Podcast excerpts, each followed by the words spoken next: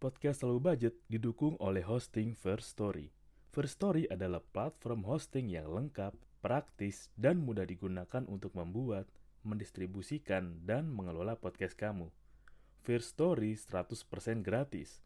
Kamu bisa atur jadwal podcastmu kapan aja, dan kamu bisa distribusikan podcast kamu di semua platform hits podcast di Indonesia. First Story punya fitur keren yang bisa membuat kamu lebih dekat dengan pendengar kamu loh. Sudah penasaran belum sama First Story? Eits, ada lagi nih. Dengan First Story Ads, kamu bisa monetisasi podcast kamu juga. Menarik bukan? Gapai potensi maksimal podcastmu dengan tools dari platform hosting terbaik untuk para podcaster. Daftar sekarang di First Story. Mari bawa mimpi podcastingmu menjadi kenyataan. Halo semuanya, selamat datang di podcast Low Budget. Nggak harus mahal untuk nikmatin hidup barengan gue, Doni Wijaksono. Oke, sambil sebenarnya sambil bikin podcast ini gue sambil dengerin lagu dari Avicii. Terus gue nemu di YouTube deh. Jadi ada lagu Avicii, gue coba dengerin ya XU tapi ada 8D. 8D gue pikir 8 Direction kan ternyata ya bener. Jadi lagunya tuh muterin kepala lu kalau pakai headset dengerinnya. Jadi lu seolah-olah kayak lagi nonton konsernya langsung. Asli cuk, enak banget cuk rasanya cuk. Kayak ya lu yang kangen nonton konser terus denger lagu ini, aduh. Enak kali. Asli, kayak lagunya tuh muter-muter di kepala terus, ih ada suara lagu dari mana nih? Enak banget. Gila sih. Kayak rasa-rasa dugem-dugem lagi jarak ini kali ya, PPKM. Ya buat kangen dugem, enak sih denger lagu. Yang 8D ada lagi 32D. Uh, kurang apa ya? Iya, gue juga baru tahu ada juga 32D. Mungkin 32 dimensi atau apa gue nggak tahu lah. Oke, jadi gue pengen bahas ya bagaimana menahan rasa marah itu nggak semudah menahan perasaan.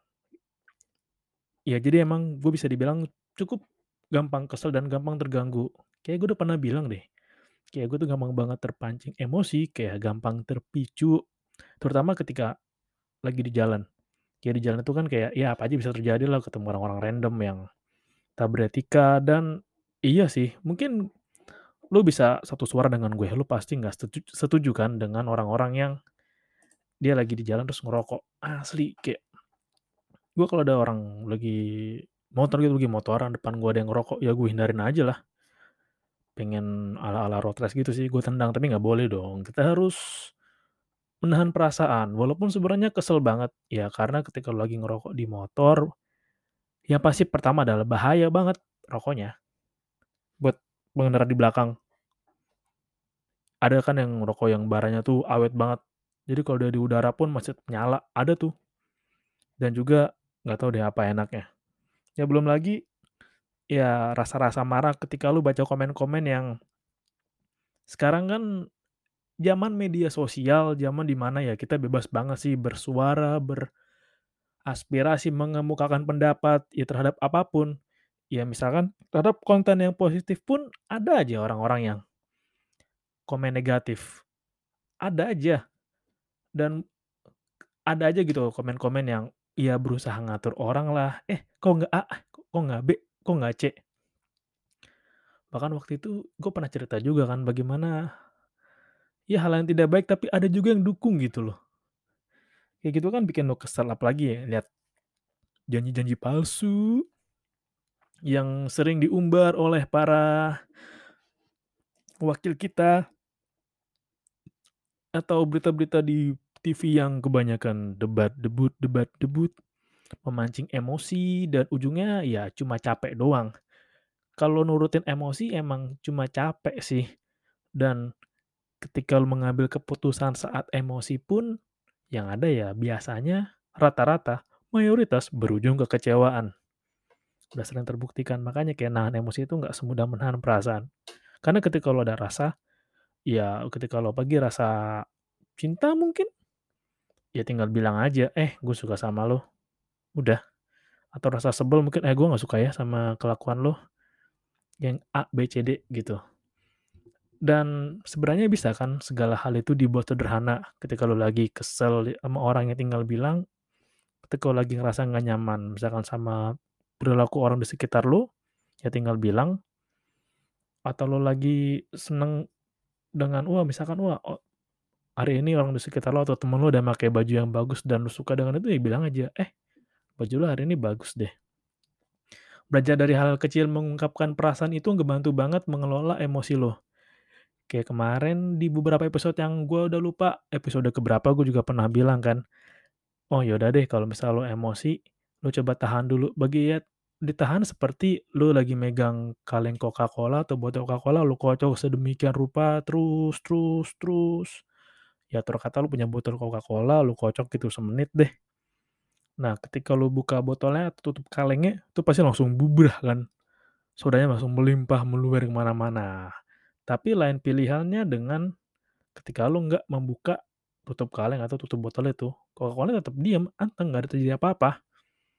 Nah, begitu juga sih dengan diri lo.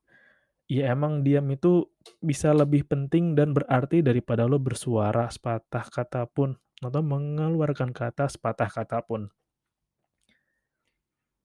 Dan iya sih, em mengelola emosi itu emang butuh pelajaran banget dan butuh latihan banget. Kayak misalkan dulu gue kan juga suka ya kadang kalau ngeliat orang di jalan gitu gue suka berkata kasar. Hmm, gue sempat baca juga sih dia buku yang bilang ya ketika lo berkata kasar itu kata-katanya akan membalik ke diri lo sendiri. Sebenarnya berkata kasar itu enak, uh enak banget kayak ya menghardik orang kan apalagi emang kelakuannya bo bodoh ya lagi di jalan selak-selak lah atau nyerobot antrian lu lah. Atau misalkan ketika belanja maunya diduluin lah. Pasti lu pernah ngalamin kayak gitu kan? Atau yang paling sebel sih ketika lu lagi ngantri di ATM lama banget itu orang.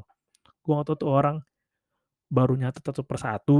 Kan biasa kalau awal bulan gitu banyak kan antrian di ATM yang dia bayar bayar listrik bayar air, bayar kontrakan, terus bayar tagihan A, B, C, D, E itu lama banget kan. Dan iya gue juga baru tahu sih ternyata ada tata laku atau manner lah ketika lu antri di ATM ya paling lama 5 sampai 10 menit. 10 menit lah paling lama lah. Dan kalau bisa jangan narik uang terus-terusan gitu kayak lu mau narik 5 juta tapi sejuta, sejuta, sejuta. Ya harganya juga di belakang situ ternyata ya tata krama nggak tertulis sih. Gue juga baru tahu ada kayak gitu. Dan itulah makanya pasti hal itu hal kayak gitu bikin lu kesel. Dan makanya kalau ketika lu kesel dan gue sendiri ketika kesel nih, gue berusaha tahan napas sih, kayak mengolah nafas. Ini gue nggak salah pernah dibahas juga deh sama Mas Aji Santoso Putro soal meaning mindfulness. Jadi ya menyadari keadaan di lu sekarang. Dan salah satu cara mengelola emosi yang lagi marah itu ya bisa bilang bahwa oh iya biasanya sih gue bilang ke diri gue sendiri, "Oh iya, uh, gue lagi marah saat ini." Oke, gue harus sadari perasaan gue kalau gue lagi marah dan coba gue berpikir untuk diri gue sendiri, kalau seandainya gue nurutin marah ini, apa yang terjadi sama gue? Apakah dampaknya baik? Apakah akan berdampak buruk sama gue? Apakah kata-kata yang keluar ketika gue lagi marah saat ini bisa menyakiti perasaan orang? Nah, itu salah satu cara bagaimana lu menahan emosi lu sih. Dan yang kedua, ketika lu lagi kesal, lu kabur aja sejenak. Nah, ini sih suka terjadi pada perkumpulan atau saat lu lagi kumpul. Misalkan lagi kumpul meeting di kantor lah, atau misalkan lagi ngobrol sama teman-teman lah, atau nonton debat lah ketika lagi wah merasa, "Wah kesel nih apaan sih ngomongin apa sih? Wasting time bro, buang-buang waktu gua bro, ngomong lu ke mana bro, keluar topik bro." Ya lu tinggalin aja udah. Segampang dan sesimpel lu cabut aja. Cabut aja udah.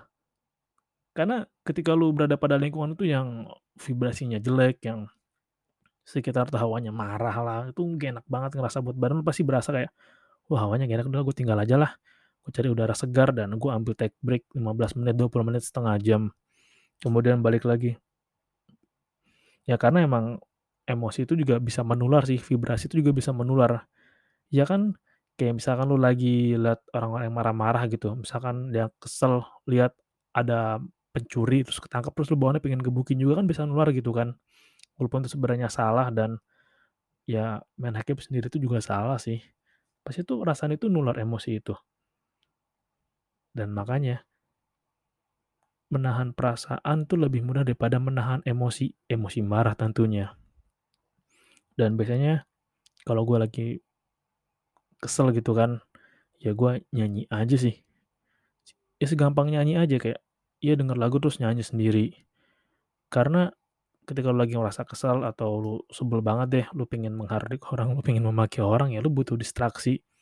Sama kayak misal lu lagi jalan lurus ke depan terus ada yang noel pundak lu, "Eh eh," lu nengok kiri, nah lu akhirnya distraksi kan. Yang tadinya lu jalan lurus, jalan lempeng, tiba-tiba ada yang nepuk pundak lu gitu di belakang lu nengok kiri.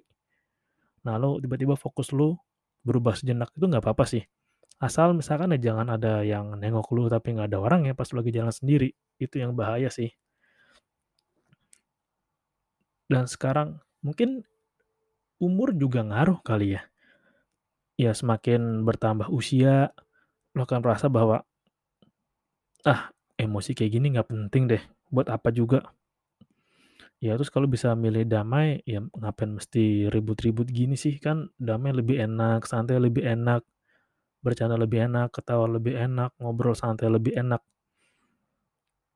Ya gue nggak tahu sih bagaimana orang-orang yang gue masih penasaran waktu dibahas yang di Total Politik itu, kenapa politisi bisa punya energi yang banyak banget ya? Misalkan pagi jalan ke A, agak siangan ke B, agak siangan lagi ke C, agak siangan lagi ke D, ke E, ke F, itu nggak capek-capek loh. Padahal bagi orang biasa aja satu blok di satu tempat aja bisa capek banget, tapi mereka jalan-jalan ke mana-mana, itu bisa kuat banget. Ya walaupun didukung dengan multivitamin dan obat-obatan alami pun, tetap keren sih orang itu. Itu sih yang gue respect dari politisi, politikus, dan calon-calon kepala daerah, wali kota, mereka tenaganya banyak banget dan nggak capek-capek. Ya gue udah bilang itu kan, itu gue masih jadi penasaran juga kenapa ya. Dan ditambah lagi adalah ya ketika lu menahan atau memendam emosi ke dalam diri lu sendiri, itu hanya akan merusak sih. Ya makanya ketika lu lagi nge ngerasa emosi yang beban atau oh bisa dibilang emosi yang berat gitu. Kayak menahan rasa marah itu kan berat. Jadi kalau lu menyimpan ke dalam diri lu ya, secara nggak langsung akan mempengaruhin organ-organ dalam badan lu juga sih, kayak kebebanan gitu. Pernah kan ketika lagi marah, kok rasa gua dada gua sesek ya, punggung gua sesek ya, atau misalnya kepala gua rasanya penuh, terus kelingan ya, itu artinya emang terlalu banyak beban sih. Ya sebenarnya kan secara nggak langsung pikiran juga berpengaruh kan ke raga atau ke fisik kita. Ya kalau nggak salah di dulu kuliah gue juga pernah dibahas sih, ketika lu lagi marah gitu kan, pasti akan kelihatan dari ya mata lu yang merah lah, yang ya darah di mata lu terisi lah, muka lu merah lah, terus pipi lu bergetar lah. Atau misalkan lu lagi jatuh cinta gitu, pasti dari pikiran gitu kan juga ada kan, oh kayak oh perasaanku kayak enteng, terus kayak tapi jantung deg-degan, terus berdebar, rasanya kayak gelisah, tapi pingin deketin, pingin ngobrol lam lebih lama gitu kan. Ya emang secara langsung nggak bisa dibohong sih, apa yang dirasain pikiran juga bisa dirasain sama tubuh. Dan ya udah, kalau emang lagi kesel ya bilang aja kesel. Sama orang diungkapin aja kayak, "Oh gue kesel sama lu nih, gue ambil take break dulu ya. Kayaknya emosi gue lagi nggak bagus." Apalagi ketika lu mau ngambil keputusan sih, kalau bisa ketika ngambil keputusan atau lu mau ngambil keputusan, jangan pas lu lagi emosi atau ya lu lagi terjebak pada perasaan sementara lah. Kan ya euforia kayak, "Oh gue lagi mood lagi bagus nih, lagi ada kabar bahagia hari ini, ambil keputusan ini ah," atau, "Oh gue lagi happy banget nih, lagi ada ini, ambil keputusan ah." Hmm, jangan sih, kalau bisa ketika lu ngambil keputusan yang sifatnya krusial, ambil dengan kepala yang dingin dan dengan hati yang setenang mungkin. Itu lebih bijak sih dan lebih bermanfaat untuk jangka panjang. Itu aja sih yang mau gue ya sekedar sharing lah di episode kali ini, yang episode banyak banget, nggak tahu keberapa ya, 28, 29, 27, nggak tahu lah. Nggak tahu. Oke, terima kasih udah dengerin. Jaga kesehatan semuanya dan salam low budget. Nggak harus mahal untuk nikmatin hidup.